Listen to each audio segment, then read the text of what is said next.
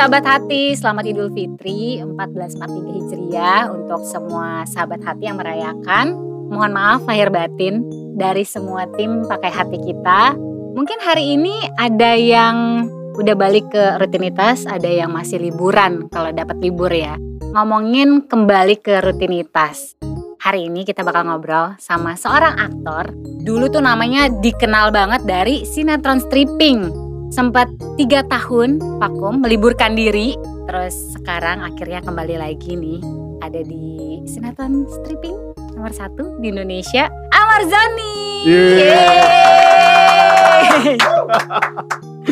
Mar Waduh. gimana nih Mar Jadi jadi gue dengernya tadi gini, satu yang sudah pernah dikenal, sudah pernah berarti gue sekarang udah gak dikenal lagi. Ya.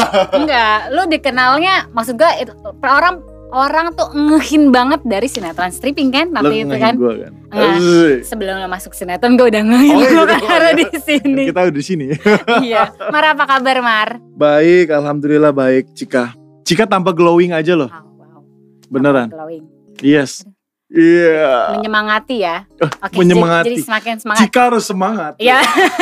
semakin semangat buat tanya-nanyain Amar. Oh. Oke. Mar, Iya. sebelumnya thank you banget karena di sela-sela syuting yang sudah mulai memadat lagi ini, Iya. Amar bisa nyelip-nyelipin waktu untuk datang ke sini lagi. Terima Sebelum kasih juga udah diundang. Gue sangat menanti-nantikan lo sebenarnya, jujur. Karena gue tuh sampai nyari waktu yang kapan nih gue bisa dapat libur. Ya minimal gue nggak bisa untuk kayak satu jam atau dua jam. Karena kalau bicara di sini Iya. udah datang apalagi ke acara pakai hati kita udah deh terus bisa ya, panjang. bisa panjang ngobrolnya. ngobrolnya gitu Nah, kan. karena jarang ketemu untuk duduk ngobrol gitu kali ya. Jadi kalau pas ketemu ya udah jadi panjang. Betul. Mar, Hmm. ngomongin kembali ke sinetron stripping. Hmm. Ini kan sesuatu yang sangat menarik dan pasti ditunggu-tunggu sama fansnya Amar. Hmm. Ditunggu banget, pasti ditanyain terus dong. Amin. Apa nih Bang Amar syuting gitu. Hmm. Gimana tuh Mar? Dulu kan Amar ngejalanin syuting stripping sebagai seseorang yang single, pasti beda dong. Sekarang Betul. Amar udah lama gak syuting, Hmm. balik lagi statusnya udah suami Ya. dan seorang bapak. Gimana Mar ngejalanin syutingnya? Em, pertama yang gue ambil pelajaran itu kita memang menikah mencari pasangan Hmm. hidup memang harus satu visi satu frekuensi sama kita memang nggak akan ada yang bisa menyatukan antara dua pikiran yang berbeda di- Hmm. menjadi satu pikiran yang sama tapi minimal apa yang dia lakukan dan yang kita lakukan ini sama-sama bisa diterima nah salah satunya dengan syuting kan Mm-mm. gue nikah sama Iris ya which is Iris itu sudah tahu bagaimana flow lokasi syuting, produksi sinetron apalagi industrinya Karena sama-sama gitu kan. dari situ ya. Betul. Jadi nggak ada pertanyaan atau nggak ada kayak ih kenapa sih kamu lebih sibuk, ih kenapa, kenapa kamu Hmm. begini? Sangat support banget. Yang berbedanya, jujur ya, jujur kalau waktu single, oh itu banyak banget kayak DM atau orang ngepost atau mulai kayak wah ini dia nih Amar Zoni, wah ini ini, ini sampai fans-fans tuh meng-create fans garis kerasnya Amar lah, Zoni. Amazoners dan dan lain-lain.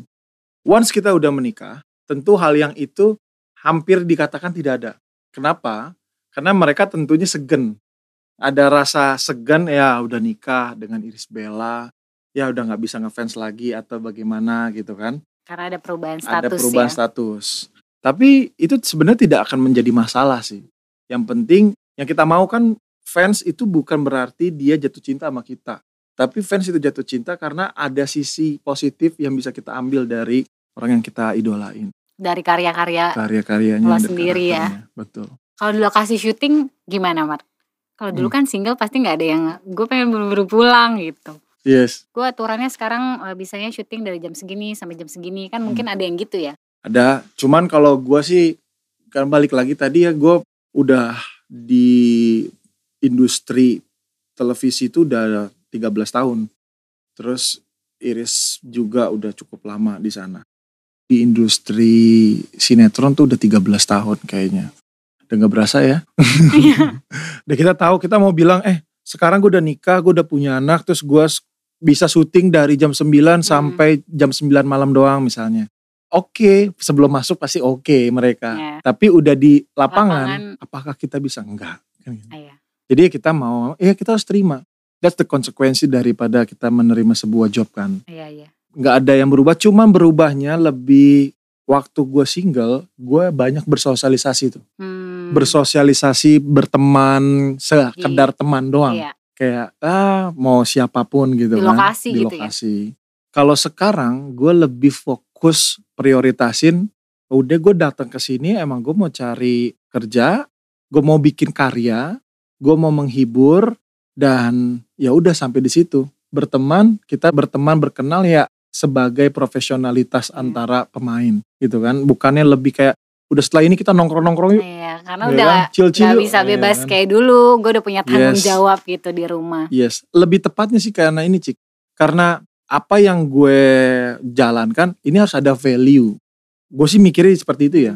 Kayak oke gue misalkan mau spend time with you gitu kan. Terus apa yang gue bisa dapetin, mau itu dari ilmu atau mau kita bicarakan tentang peluang bisnis Nah, iya. atau tentang apa pun. Kalau enggak ya ngapain kan gitu. Iya benar. Kalau Gitu enggak ya mendingan lo di rumah ngabisin waktu sama anak dan Iya, istri mendingan gitu gue ya. main iya kan Iya. ngapain gitu.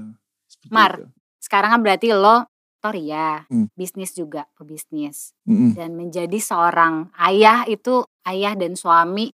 Kalau ngomong mungkin gampang ya, gue ayah, gue aktor, gue pebisnis. Iya. Tapi waktu dilakuin kan nggak semudah itu Iya. sebenarnya kan. Betul. Gimana tuh Mar? Cara membagi diri peran-peran lo. Ada beban tersendiri gak sih Mar? Pertama aku sangat beruntung sekali gue itu hidup di dunia entertainment atau di dunia panggung, sandiwara. Asik. ya kan? Kalau kata Nika Ardila hidup ini adalah panggung sandiwara. Panggung sandiwara. Asik. Nah, panggung sandiwara yang seperti apa? Mungkin kita sama-sama tahu kalau bahasa filosofi dari di Jepang, manusia itu mempunyai tiga karakter dalam hidupnya. Yang satu karakter untuk di rumah, yang satu karakter untuk di pekerjaannya, satu lagi karakter untuk di pertemanan sosialnya, ya kan? Dan kebetulan karena pemahaman gue dari Konstantin Stanislavski, William Shakespeare gitu ya, itu yang gue melihat dari hidup acting itu bukan tentang bagaimana kita mempengaruhi seorang dengan acting kita yang bagus, Hmm. tapi bagaimana kita memahami esensi, esensi dari kejujuran, ketulusan dan kesederhanaan kita berperan. Nah, jadi ketika itu udah kita tak pahamin, itu bukan menjadi untuk di dunia peran aja, tetapi untuk di dalam dunia Kehidupan kenyataan. nyata Yes. juga gitu ya. Secara nggak langsung kita kalau sadarin manusia itu selalu berupa berbagai macam karakter dan berbeda-beda setiap kali bertemu. Kayak bunglon gitu. Ya, selalu seperti itu. Alhamdulillah ya gue di dunia industri entertainment kita diajarin untuk memahami itu kan, Iya. mengobservasi, me- melihat secara detail oh karakter karakter karakter. Jadi ketika gue menjadi seorang bapak, gue akan menjadi seorang bapak yang mana diri gue tetap diri gue, cuman lebih memahami esensi jadi seorang bapak itu seperti apa.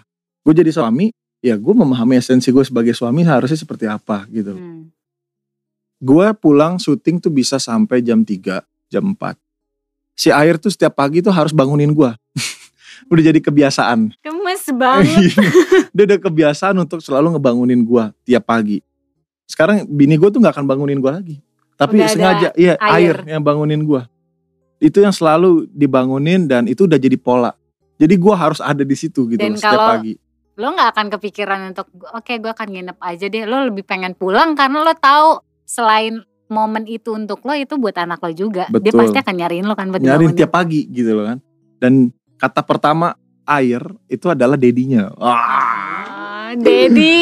Nah, Dia udah panggil Daddy air. sekarang. Dad, dad, dad, daddy, daddy ya kan. Walaupun sebenarnya ya dia lebih dekat sama ibunya pastinya. Iya.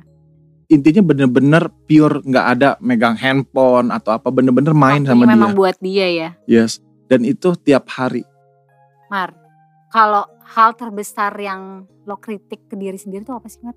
Apakah Hmm. dari sisi lo sebagai menjadi ayah, menjadi pebisnis, atau Iya. jadi aktor di kerjaan lo yang lain, atau jadi suami? Iya. Apa yang bikin lo mengkritik lo, mengkritik diri? Sebenarnya setiap waktu kalau kita sadarin kita tuh selalu mengkritik diri kita tau. Iya. Iya kan? Kayak sekarang lo pasti lagi kalau lo diem lo VO pasti lo lagi mengkritik diri lo. Eh kenapa gue gak nanya ini sih? Kenapa gue harus ini sih? Kenapa gue nggak nanya ini? Kenapa nggak nggak ini? Hmm. Sama kayak gue juga kan gitu. Hmm. Kritik yang paling besar jelas ketika penyesalan sih. Banyak hal penyesalan gue yang paling besar adalah ketika gue enggak memilih mengambil keputusan, gue mengignorkan sebuah keputusan besar atau sebuah langkah yang harusnya gue jalanin bisa gue jalanin segera, Hmm. tapi nggak gue jalanin, Lu tunda ya gue tunda gitu kan. atau lo skip gitu. Yang gue skip ya atau enggak, ayo udahlah gue lebih baik gue tidur aja, lebih baik gue ini aja. Itu menurut gue kritikan yang selalu gue bangun sih sama diri gue. Hmm. Itu makanya kita harus menjadi produktif di masa sekarang umur kita masih muda. Hmm. Kita harus produktif gimana caranya kita udah tahu apa yang mau kita lakuin besok. Planning kita besok mau ngapain sampai sebulan ini gue mau ngapain. Itu udah kita bikin. Bukan karena kita tunggu, tunggulah ada job dulu deh. Tunggu deh nanti gue begini-gini dulu deh. Enggak, tapi harus kita. Ciptain. Kita harus ciptain. Even kita, gue mau ngapain aja. Itu adalah pilihan kita sih. Karena gue dulu orangnya males Iya. gue orangnya males gue orangnya males gue orangnya sembrono gue orangnya nggak penampilan nggak Cuek Sem- aja gitu. ah parah deh pokoknya deh seniman-seniman tertipu Seniman-seniman tertipu. Seniman gayanya gini gitu ya. Iya, ya, iya. Iya kan? Gue seniman dia. banget nih gitu. betul Dulu ada di masa itu ya. jadi karena pengalaman itu yang membuat gue untuk selalu berpikir keras dan selalu mengkritik diri gue sendiri banyak penyesalan-penyesalan atau kritikan-kritikan yang paling banyak cuman yang tadi kalau gue mengignorkan sesuatu yang seharusnya bisa gue lakuin itu yang yang paling gue selalu gue kritik sampai saat ini jalan hidupnya masing-masing kan prosesnya sendiri-sendiri Ceritanya sendiri-sendiri. Nah, ini kan di kehidupan. Kalau untuk cinta, Hmm. mungkin sama pasangan, apa yang paling sering lo kritik? Yep. Ada gak sih yang percintaan. Percintaan itu waktu di momen di mana gue berpikir gue tuh pengennya elu. Ya yang bisa berharap gue berharap hidup gue bisa bersama-sama lo. Kita bahagia bersama. Bahkan kita mem- pengen memutuskan untuk udah kita tinggalkan semua ini. Ais, kita berdua kita berpegangan tangan dan kita akan hidup bahagia sampai tua nanti. Ya. But it's saat the itu bullshit. ya, saat itu. itu bullshit semua. Kehidupan yang sebenarnya adalah yang sekarang yang gue jalanin. Kenyataan apa yang gue lihat, kenyataan apa perempuan yang gue butuhkan.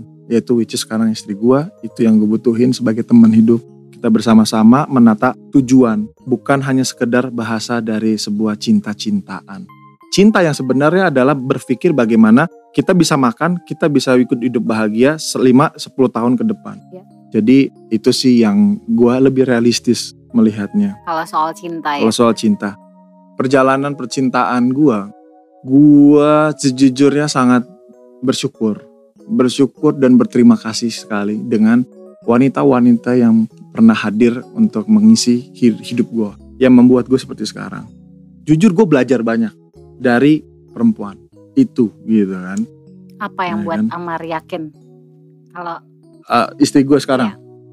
Yang gue yakin adalah ya dia itu bukan ngomong support aja atau bukan ngomongin tentang percintaan, sayang-sayangan aja. sayang-sayangan enggak, tapi dia bisa memahami pola pikir gue. Lu percaya nggak kalau gue tuh nggak pernah cecetan sama istri gue? Maksudnya sampai sekarang? Iya, gue nggak pernah kayak Aku di sini di luar, yang aku di gitu-gitu sini ya. ya, tuh aku foto-foto gini kan, nih aku ini atau nggak video call, hai sayang, Iya. iya nih gini-gini nih, enggak. Kalau nggak penting-penting banget, because apa? Trust. Iya. The relationship is trust. Dan ya itu yang gue pegang teguh sih. Karena sekarang posisinya ketika kita udah nikah, kita bukan bicara lagi tentang masalah seks. Bukan bicara lagi maunya begini, maunya begitu. Tapi kita membicarakan lagi udah punya anak. Apa yang bisa kita bikin ya? Ini membuat anak besok, ini kita mau sekolahnya nanti di mana? Kita mau bikinin nanti kayak seperti apa? Dan itu menarik banget sih. Udah sampai di step itu tuh menarik banget sesuatu Yes. yang baru ya, Mar. Seru banget. Gue bener ngerasa menjadi seorang manusia sih. Oh iya ya, apa yang gue lakukan ada motivasinya. Sama ketika kita sebagai bermain peran, kita mau ngambil racun, kita tahu motivasinya kenapa kita mau ngambil racun Iya. kan gitu. Supaya kita paham yang nggak acting-acting. Hah? Nah, ya kan nggak nggak nggak begitu gitu loh. Dan Sekarang di hidup tuh punya motivasi yang sangat besar. sangat besar. Itu anak, istri. paling utama mereka manusia itu suka menunjukkan sih. Sadar gak sih kalau manusia itu suka ingin menunjukkan. That's why kenapa adanya Instagram. That's why kenapa adanya Facebook. Adanya semuanya digital-digital ini untuk apa sih? Kalau nggak untuk menunjukkan who you are, Iya. ya kan? Nah, kalau kita udah punya istri, anak, itu rasa ingin menunjukkannya lebih itu bukan di media tapi sama mereka. Kalau di karir, Hmm. yang paling sering lo kritik kayak ini nih Mar, lo kan baru kembali. Mungkin ada dong yang kayak agak kaku-kakunya Hmm, gitu hmm, kan. hmm. Kadang kita syuting gitu ya kalau di dalam syuting kaku lagi gitu. Oh tadi, gue tadi harusnya ngelakuin ini nih. Harusnya gerakannya gini Oh aja, itu gini sering, itu gitu. sering bos, sering banget setiap scene. Setiap scene. Udah mulai luas lagi belum rasanya? udah ya pastinya udah panas lagi lah iya kan Panas udah lagi mulai ya. panas lagi cuma memang rasanya tuh pengen give me more give me more gitu kan Hmm. kayak kasih ke gue supaya gue semakin lebih panas untuk Hmm. mainin karakter-karakter kayak gitu kan sinetron itu menurut gue adalah tempat di mana seorang aktor buat belajar acting yang benar Oke lah ah, artis sinetron lebih bagus lah artis film lebih bagus oh acting itu artis ini itu kan stigma aja Iya. tapi sebenarnya kalau kita sebagai personal, Hmm. kalau lu bisa mainin itulah tempat yang paling bagus buat jadi sekolah. di mana pun apa pun peran lo, di mana pun Iya. mau di film, di sinetron karena punya tantangannya masing-masing ya. Punya tantangan masing-masing. Karena sinetron kan kayak temponya tuh cepet banget. Temponya cepet banget dan yang menonton itu bukan orang yang duduk di ruangan gelap yang cuma satu exit doang di situ dan Bayar kaca untuk gede. itu. ya kan? Iya. Ini kan enggak, ya kan? Jadi ya kita harus memikirkan juga gimana sih produksi itu sendiri. Gitu sih kalau di karir gua sebagai aktor. Penyesalan ada, Bro. Apalagi penyesalannya kalau di ini. Iya, penyesalan tuh kayak ah, duh kenapa gua kok dialognya kayak gitu ya? Oh ya setelah pengen- melakukannya gitu Iya, ya. misalkan kayak gitu kan. Harus harusnya gue sikap gue nggak gitu tuh. Iya, harusnya gue maininnya gini. Harusnya begini nih, gitu kan. Tapi kalau pengen ngulang lagi rasanya malu kalau udah oke sama co-director ya kan gitu Iya kan. juga. Ya udahlah, ya kan. Lo lo gimana pertama kali nonton acting lo di Hmm. yang episode pertama kali lo muncul? Gimana rasanya tuh Mar? Setelah tiga tahun gak syuting balik lagi. Wow, gue rasanya gue harus diet ketat banget. itu kritik nomor satu ya. Yes, Kali yes, ini kritik terbesarnya. yes gue harus diet banget sih. Gue bilang, waduh kacau banget nih gue nih. Udah terlalu nyaman kayak hidup gue nih ya kan. Itu ngomongin mengkritik diri sendiri kan sebenarnya itu kayak bentuk dari kita mengevaluasi diri. Betul, Kayak gue harusnya gini, gue harusnya gini, gue harusnya gini. Oh ya jadi belajar. betul. Dan itu terjadi Supaya- 24 jam sehari, Iya, setiap iya hari. kayak otomatis ya muncul-muncul gitu. Mm-mm. Nah lo kalau misalkan ada sesuatu yang nyangkut gitu di kepala, lo Hmm. lagi pikirin gitu Mar. Lo tuh suka ngobrol gak sih sama Ibel? Kadang kan kita gak bisa menyelesaikan yang suka gemes gitu. Ada Ya. satu yang nyangkut, aduh gue gemes banget, tapi kan gak bisa diulang gitu.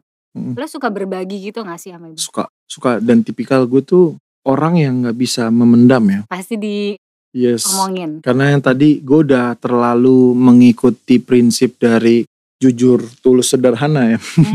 Definisinya adalah jujur. Jadi jujur ya semuanya jujur jadi gue. Jadi kalau lo mau nyimpen rahasia, gue bukan Hmm. tipikal orang yang bisa menyimpan rahasia.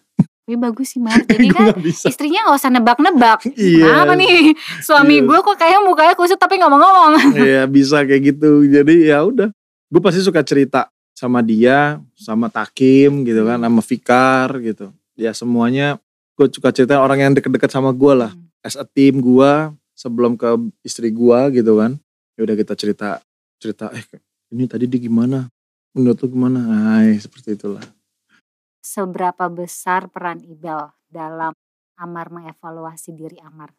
Gua gue mikir Ibel itu adalah diri gua. Diri gua yes, cerminan gua versi perempuan dengan karakter yang udah dia punya. Dan ngobrol sama Iris misalkan tentang problem atau kritikan dari dalam hati gua, dalam pikiran gue yang gua nggak bisa pecahin di saat itu. Ya gue bisa ngobrol sama dia bukan karena gue mencari solusi, Hmm, karena gue as a diri gue dia juga harus tahu tentang apa yang gue pikirin gitu loh. Oke, ini menarik ya. Gue ngobrol sama dia bukan karena gue cuma mencari solusi, Mm-mm. tapi ya gue ngobrol pengen. karena gue pengen ya dia diri gue juga soalnya. Yes. Apa yang Amar pengen ucapin ke Ibel? Seberapa beruntungnya Amar memiliki istri seorang Ibel? Seberapa beruntungnya aku memiliki kamu, itu sama halnya seberapa beruntungnya aku bisa hidup di dunia ini. Seberapa beruntungnya aku mempunyai mama almarhumah Sri Mulyatini yang selalu mengatakan kalau aku adalah laki-laki yang spesial. Seberuntung itu juga aku bisa dididik sama Bapak Suhendri Zoni, yang mana Bapak adalah orang yang bisa rasional membuat aku tuh lebih punya jiwa pertarung untuk terus bekerja keras membuat hasil masa depan yang lebih baik. Jadi that's you. Seberuntung itulah aku punya kamu. Karena gue sangat bersyukur sekali. Kenapa? Gue bersyukur hidup di dunia ini karena gue berharap hidup harus bisa menjadi manfaat untuk orang banyak. Yang gue lakukan, ya itu adalah membuat sebuah kesempatan untuk orang-orang bisa baik orang penonton bisa terhibur, hmm. baik karyawan gue bisa untuk menyelenggarakan kehidupannya, baik dari keluarga gue bisa hidup settle dan nanti mereka semua bisa se, se gue nggak ada, nama gue tetap ada gitu loh untuk mereka mereka semua impact yang gue kasih. Jadi memang gue harus melakukan hal itu lewat dari rasa bersyukur gue gitu. Ada pesan nggak buat Ibel yang ingin Amar sampaikan dipakai hati kita? Sayang, hal yang harus kamu tahu, kamu adalah perempuan yang sangat spesial. Sangat spesial sebagai seorang istri dari Amar Zoni. Sangat spesial sebagai seorang ibu dari Air Rumi dan adiknya Air. Lalu sangat spesial untuk semua orang-orang yang kenal sama kamu dan mengagumi kamu. Dan kamu harus tahu, kamu adalah contoh dari look perempuan seharusnya. Jadi jangan pernah merasa tidak percaya diri, jangan pernah merasa kayak kamu nggak ada apa-apa, karena I'm always beside you until death. Hmm. Duh, semoga semua harapan Amar yang Amin. bermanfaat buat orang banyak. Amin. Bersyukur lewat cara itu yes. memberikan manfaat baik untuk orang di sekitar Amar. Ya kita nggak bisa ngebahagiain dan memuaskan semua orang. Betul. Tapi paling nggak orang terdekat dulu ya Mar. Betul. Yang kita berikan yang terbaik gitu. Betul. Semoga semuanya dilancarkan dan dijawab sama Tuhan. Amin. Amin. Untuk semua bisnis-bisnisnya juga apa pun Amin. Syutingnya sekarang bisnisnya luar biasa ya. Amin. Ada skincare, Amin. ada makin melebar ya Mar. Lebih tepatnya karena gue pengen membuat bisnis sebuah ekosistem. Hmm. Sebuah ekosistem itu kan tandanya sebuah regulasi ya, ya. putaran kan. Baik itu dari supply chain, rantai pasok kebutuhan premier maupun kebutuhan entertainment gitu kan. Jadi semuanya itu harus nyatu. nyatu gitu loh. Nah, itu semua bisa menyatu ketika gua sudah betul-betul berhasil untuk menjual ibaratnya diri gue sendiri as a product. Yeah. As a product gue mampu menjual diri gue dan gue bikin sesuatu regulasi apa pun itu akan juga orang akan percaya. Lebih percaya. Yeah. That's itu. Makanya dengan bersama-sama gitu kan, kolaborasi terus juga apa ya kita sama-sama membangun yang satu frekuensi dan percaya kita akan menemukan tim-tim yang akan sefrekuensi dengan pikiran kita untuk membuat sesuatu ekosistem kalau kita emang mau. Ya. Itu yang lagi gue bangun sih. Tunggu aja. Yes, kita tunggu. Ya Mar. Sip. Mar terakhir Mar. Kita minta tips untuk sahabat hati yang mungkin suka mengkritik diri sendiri. Hmm. Kadang-kadang hmm. mengkritik itu kalau udah terlalu malah bisa bikin nggak percaya diri atau mm -hmm. merasa gagal kayak gue gak mampu deh ya udahlah mm. gue gak mampu gimana caranya mm. mengkritik diri tapi dengan cara yang tepat versi Amar yes kita harus sadar kalau kita itu harus mengkritik diri kita setiap hari 24 jam untuk menjadi orang yang baik atau orang yang positif dalam persepsi kita. Oke. Okay. Apakah kritik itu salah? Enggak. Justru harus karena tanpa sadar kita memang sudah mengkritik diri kita setiap hari. Iya. Kedua, apa yang harus kita lakukan? Don't push too much diri kita sendiri ketika memang itu adalah sebuah kesalahan yang tidak akan bisa balik lagi. So it's okay. Hmm. Kalau kita salah, apakah itu ya udah salah? It's okay. Jadi kita harus memahami ketika gua salah, ya udah bukan berarti gue dunia ini kiamat gitu loh. Karena kita masih diberikan kesempatan sama Tuhan sampai nyawa kita itu ada di tenggorokan kan gitu. Iya. Selama itu masih ada dan kita selalu diberikan kesempatan. Nah, jadi caranya adalah selalu mengkoreksi diri setiap saat agar menjadi orang yang lebih baik ke depannya. Buat kesalahan atau kita pernah salah, kita manusia, manusia adalah makhluk salah. Iya. Emang diciptain sama Tuhan emang untuk salah. Karena dari salah itu buat belajar. Dari salah itu belajar. Surga bukan tempatnya orang-orang yang giat dengan Sempurna. ibadah dan sempurna dan lain-lain. Enggak. Orang yang sangat tahu tentang dirinya dan Tuhannya. Dan orang-orang yang ikhlas. Orang yang ikhlas menjalani hidup. Orang yang ikhlas dengan kesalahannya dia.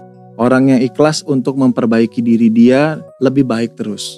Sampai pada akhirnya nanti. Gitu. Yes.